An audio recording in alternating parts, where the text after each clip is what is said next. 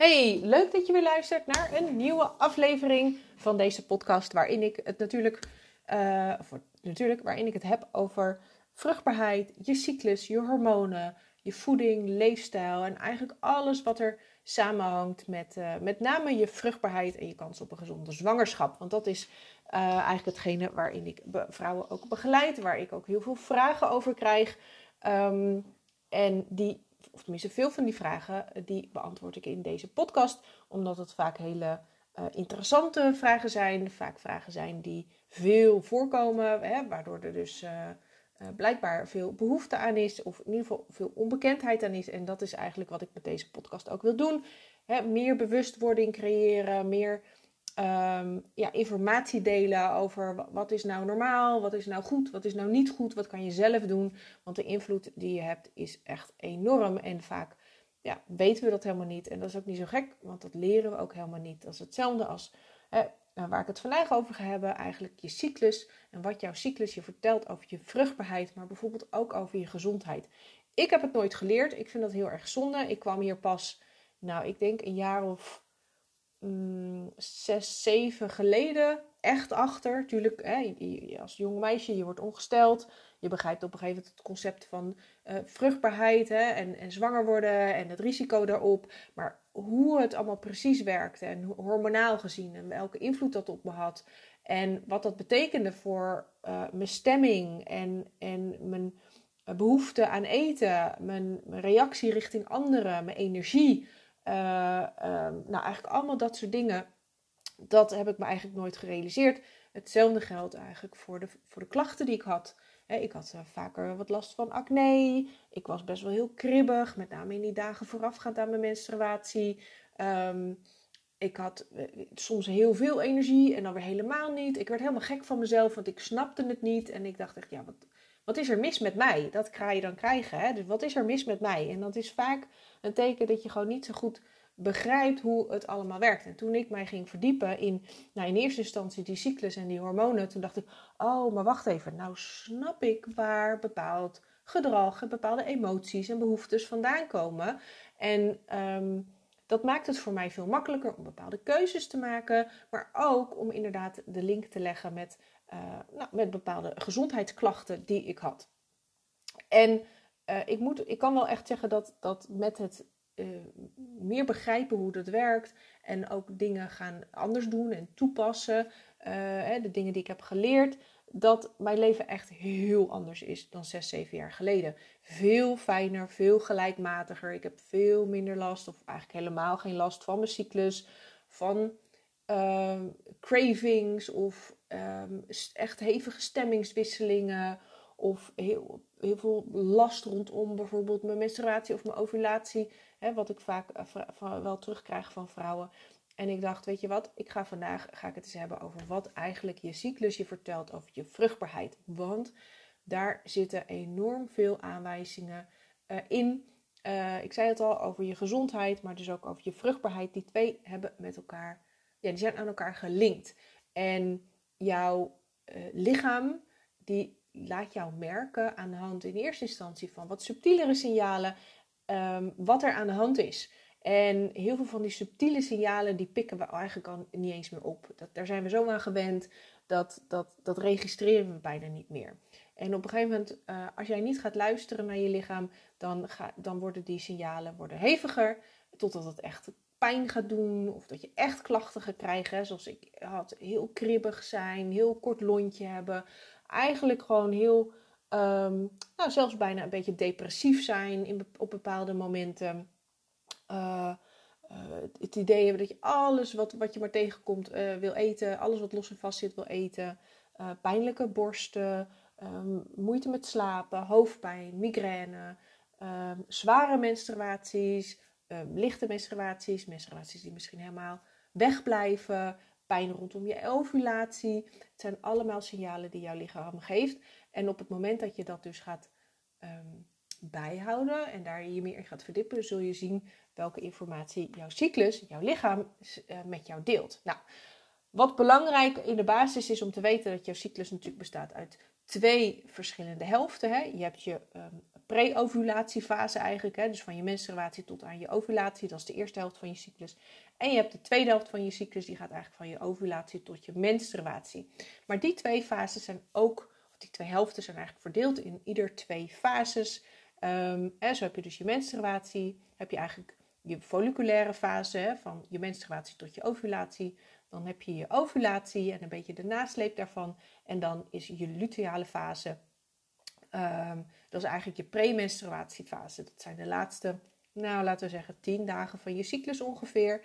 En al die fases die worden eigenlijk um, beïnvloed door je hormonen. En die hormonen die hebben weer invloed op jou. Um, hoe je je voelt, uh, waar je behoefte aan hebt, uh, hoe je energie is, hoe je uh, behoefte aan eten is.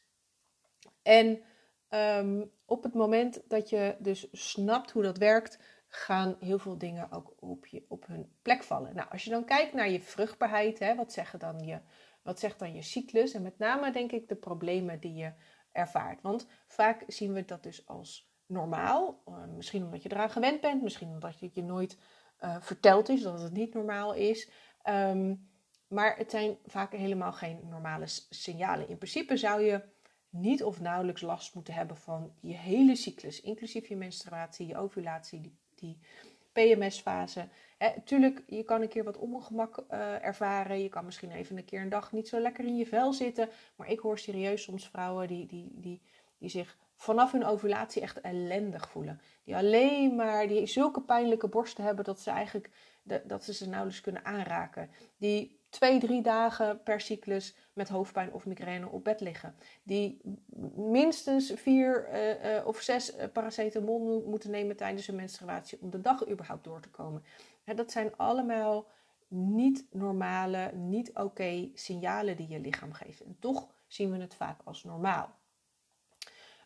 het probleem is dat die, die, die klachten worden veroorzaakt vaak door een hormonale disbalans. En dat kan zijn dat er dus een disbalans in, is in bijvoorbeeld hè, de hormonen die jouw cyclus reguleren, zoals oestrogeen en progesteron en het luteiniserend hormoon en het follikelstimulerend hormoon of het testosteron. Um, en vaak zie je dat daar een disbalans is, maar die disbalans die ontstaat natuurlijk ook niet zomaar. Hè. Dat is vaak doordat er bijvoorbeeld uh, een oestrogeendominantie, als er veel oestrogeen is, dan zie je bijvoorbeeld zware menstruaties, pijnlijke borsten, overgewicht waar je misschien niet van afkomt.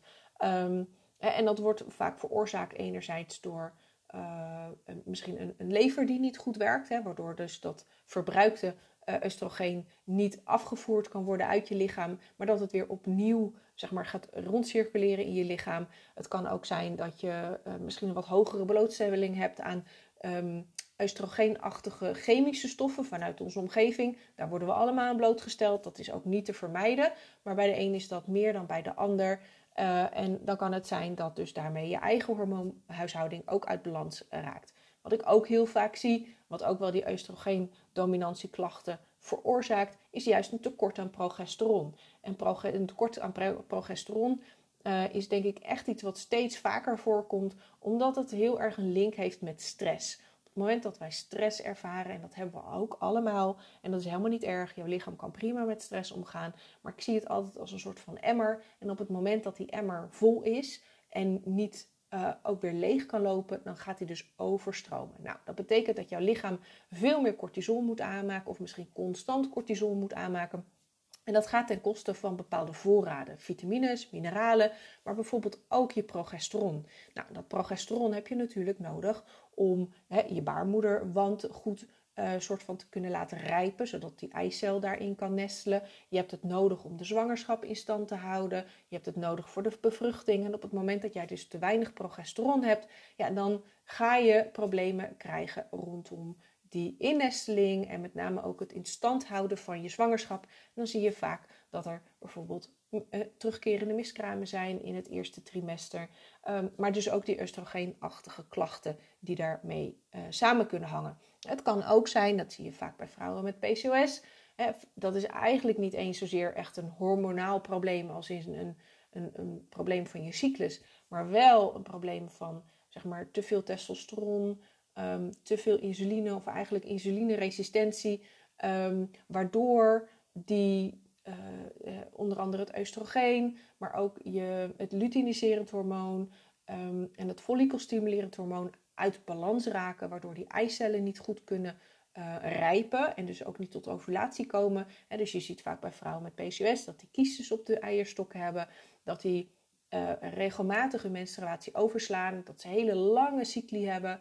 Ehm, en dat ze vaak ook problemen hebben rondom dat te veel aan testosteron en die insulineresistentie, zoals acne, en haargroei, uh, overgewicht, um, bloedsuikerschommelingen. En dat zijn hele typische klachten van vrouwen die PCOS hebben. Nou, en vaak zie je dat, daar, dat dat dus niet eens een hormonaal gestuurd probleem is, maar dat dat veel meer zit in dus die insulineregulatie en zorgen dat, die, ja, dat ook alle voedingsstoffen um, voorhanden zijn om hè, dus ook die uh, andere hormonen goed te kunnen laten uh, functioneren. Nou, heel veel van deze klachten die komen dus door hoe wij leven, eigenlijk allemaal komen door hoe wij leven. Hè? Dat heeft te maken met voeding. Krijg je wel voldoende voeding binnen? Krijg je wel de juiste voedingsstoffen binnen? En dan heb ik het met name over essentiële vitamines en mineralen, zoals jodium en selenium en zink en vitamine A en ijzer voor je schildklier bijvoorbeeld. Um, hè, maar ook uh, de eiwitten voor je leverfunctie. Um, eh, zijn er misschien bepaalde uh, intoleranties of allergieën, hè, omdat misschien je darmen niet goed werken of dat je darmwand beschadigd is. Hè, dat zie je vaak bij een leaky gut. Dan zijn er uh, allerlei allergieachtige klachten, auto-immuunachtige klachten, spijsverteringsklachten. Um, wat ik ook steeds vaker voor zie komen is dat die spijsvertering inderdaad niet goed werkt. En dan heeft je lichaam moeite om al die vitamines en mineralen op te nemen. Um, het kan zijn dat er een gebrek is aan gezonde vetten. Die heeft je lichaam weer nodig om onder andere cholesterol aan te kunnen maken, om je hormoonproductie op orde te kunnen hebben. Ik had het net al over stress en de invloed daarvan op progesteron. Um, en uh, natuurlijk hè, de, de, de chemische, de vervuiling, uh, waar we eigenlijk allemaal aan bloot worden gesteld, die ook. Hè, er zijn enorm veel um, hormoonverstorende stoffen. Die, die, worden ook steeds meer eigenlijk uh, bekend. BPA is er een van. Glyfosaat is daar een van. Dat is bijvoorbeeld het uh, bestrijdingsmiddel waar voeding, uh, met name groenten en fruit, heel erg mee wordt bespoten. En dat zijn allemaal hormoonverstorende stoffen. Die dus als je daar nou ja, te veel aan wordt blootgesteld. Of als bijvoorbeeld jouw ontgiftingssysteem, hè, dus jouw lever, niet goed werkt. En dan kan dat zich gaan ophopen. En dat kan dus weer voor die oestrogeendominantieklachten uh, zorgen. Nou, dit zijn dus allemaal zaken die naar voren komen of tot uiting komen in jouw cyclus. Dus hoe lang is je cyclus? Uh, gemiddeld genomen zeggen we een cyclus tussen de 24 en 34 dagen zien we als normaal. Um, is hij korter, nou, dan is de kans aanwezig dat je bijvoorbeeld te weinig oestrogeen uh, uh, produceert. Um, het kan ook komen doordat je niet ovuleert. Hè. Vaak denken we dat de menstruatie het belangrijkste um, punt van onze cyclus is, maar het is eigenlijk je ovulatie. Je ovulatie bepaalt hoe de rest van jouw cyclus verloopt, maar dus ook of je vruchtbaar bent of niet. Dus op het moment dat jouw ovulatie uitblijft, of op het moment dat jouw ovulatie eigenlijk te laat is, um, ja, dan kan dat dus ook, uh, dan heeft dat gevolgen voor je vruchtbaarheid. Dus inzicht krijgen in je cyclus is enorm belangrijk. Gaat je enorm veel informatie opleveren over uh, je gezondheid in algemene zin, maar je vruchtbaarheid ook in het bijzonder. Nou, en hoe kan je dat dan doen? Hè? Heel veel vrouwen die houden hun cyclus bij door middel van een app.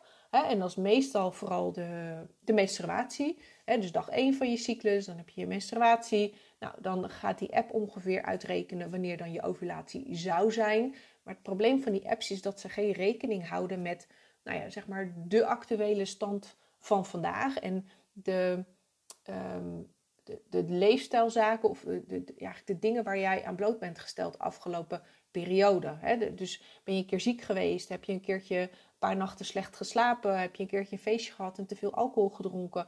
Um, ben je veel aan het sporten of misschien juist heel weinig aan het sporten. Het zijn allemaal zaken die invloed hebben op jouw cyclus en dus ook op jouw ovulatie. Um, dat zijn dingen waar een app geen rekening mee houdt. En daarom zijn die apps ook gewoon niet betrouwbaar als je gaat kijken naar je vruchtbaarheid en het bepalen van je vruchtbare dagen. Uh, het kan best zijn dat die app er met twee of drie dagen naast zit. Ja, dat is voor je bevruchting is dat echt cruciaal. Want uiteindelijk ben je maar maximaal vijf à zes dagen van je cyclus vruchtbaar. Hè? En dat is um, eigenlijk de vijf dagen voorafgaand aan je ovulatie. Nou, op het moment dat die app jouw ovulatie misschien één of twee dagen te vroeg of te laat inschat, ja, kan het zomaar zijn dat je net je kans hebt gemist in die, uh, in die cyclus. Um, hè, dus, dus wat een veel betere methode is, is wat uh, is eigenlijk gewoon het bijhouden van je cyclus, het liefst zelfs op papier, maar dat je dus meerdere indicatoren gaat bijhouden, zoals hè, de lengte van je hele cyclus, vooral ook de lengte van de tweede helft van je cyclus, dus je ovulatie tot aan je menstruatie, wanneer is je ovulatie, um, hoe, hoe, hoe, verandert je lichaamstemperatuur? Hè? Die zou in principe na je ovulatie omhoog moeten gaan. En een minimum van uh, in ieder geval een aantal dagen 37 graden moeten aantikken. Um, hoe lang is je, cyclus, is je menstruatie? Is die heel hevig? Zitten er stolsels in? Wat is de kleur van je bloed? Um, nou, weet je, dat zijn allemaal factoren die meetellen. Um, de, weet het, de afscheiding. Je afscheiding zegt ook enorm veel over je vruchtbaarheid. Je hebt natuurlijk tijdens je menstruatie uh, is menstruatiebloed. Maar daarna ontstaat zeg maar wat we het baarmoederslijm uh, noemen. Dat verandert in aanloop naar je ovulatie toe. Um, dat wordt dikker en slijmeriger. Dat is vruchtbaar slijm. He, daaraan kan je ook herkennen dat je ovulatie eigenlijk op handen is. En vervolgens, als je ovulatie is geweest, droogt het allemaal weer op. Krijgt het een wat meer plakkerige structuur. dat zijn allemaal signalen die je kan bijhouden. En die dus heel veel informatie geven over nou ja, hoe vruchtbaar ben je dan? Hoe goed is de kwaliteit van je eicellen? Um, hoe Hè, welke hormonale disbalans is er? En um, ja, als jij een kinderwens hebt, dan is dit, zou dit een van mijn eerste tips zijn. Dus niet met voeding en supplementen, maar echt ga eerst, maar eerst je cyclus bijhouden om te kijken wat eigenlijk jouw lichaam jou te vertellen heeft over je gezondheid en vooral ook over je vruchtbaarheid. Nou, nou is dit natuurlijk één ding, hè? dus um, het bijhouden van je cyclus en informatie verzamelen over je cyclus. Um, maar er speelt natuurlijk nog veel meer mee. Ik had het net al over, die voedingsstoffen die je eventueel tekort kan komen. Uh, stress, uh, wat niet goed gemanaged kan worden door je lichaam. Uh, bepaalde tekorten die daardoor ontstaan. Een, een, een, lever die niet goed functioneert. Darmen die misschien beschadigd zijn. Het zijn allemaal factoren die invloed hebben op je, op je vruchtbaarheid. Um, en daarnaast spelen bijvoorbeeld ook je genen een rol, hè, een hormonale disbalans. Op het moment dat er te weinig of te veel van bepaalde hormonen wordt aangemaakt, is dat ook niet gunstig voor je vruchtbaarheid. Nou, al deze thema's, die, um, ja, die behandel ik in mijn masterclass Natuurlijk Zwanger. En um, ik denk dat ik hem dit jaar nog misschien twee keer ga geven. Um, dus mocht je dit interessant vinden, dan zou ik zeggen, meld je voor de eerste, de beste um, nog even aan dit jaar. En dan kan je misschien ook gewoon een uh, soort van vliegende start maken in het nieuwe jaar. Uh, het lijkt nog ver weg, maar het is inmiddels 20 november. Terwijl ik deze aflevering opneem. Dus voor je het weet zitten we alweer in 2024. Nou ja, en wat ga ik dan dus doen in die masterclass? Ik ga dus dieper in op de, eigenlijk de meest voorkomende oorzaken van vruchtbaarheidsproblemen. Die niet altijd besproken worden, die niet altijd bekend zijn. En um, ja, dit kan sowieso interessant zijn als je net begint, maar vooral ook als je bijvoorbeeld al een tijdje bezig bent en de meest gangbare adviezen voor jou um, ja, eigenlijk nog niet tot een gezonde uh, zwangerschap hebben geleid. Hè? Dus, dus bijvoorbeeld vitamines slikken, gezonder eten, uh, dat soort dingen. Um, hè, je doet alles, maar op de een of andere manier is het nog niet gelukt om zwanger te worden, dan is dit zeker voor jou wel interessant. Aanmelden hiervoor kan in de, via de link in de beschrijving van deze aflevering. Je mag me ook even een berichtje sturen via Instagram. Dan stuur ik je alle informatie toe. Um, sowieso leuk om daar met je te connecten. Dus zoek me vooral ook even op. Ja, en heb je nou zelf een vraag die je graag beantwoord wil hebben? Uh, stuur hem dan ook naar me op. Dit kan via de mail of via een berichtje op Instagram. Um, je bent vaak niet de enige die met die vraag rondloopt. En uh, daarbij is het ook gewoon, vind ik het zelf ook heel erg leuk om jullie vragen te beantwoorden. Omdat dat uh, ja, uiteindelijk toch de vragen zijn waar de meeste vrouwen mee rondlopen. En op die manier kan ik dus ook uh, nou ja, een steentje bijdragen om die bewustwording te vergroten en de informatie de wereld in te helpen. Ehm, vergeet ook niet om je te abonneren op deze podcast als je het interessant vindt. Dan krijg je namelijk een melding als er weer een nieuwe aflevering klaar staat. Voel je ook vrij om een aflevering door te sturen naar een vriendin of een collega of een zus die uh, op dit moment misschien bezig is met zwanger worden. En um, ja, ik kijk er naar uit om van je te horen en hoop dat je natuurlijk ook de volgende aflevering er weer bij bent. Tot dan!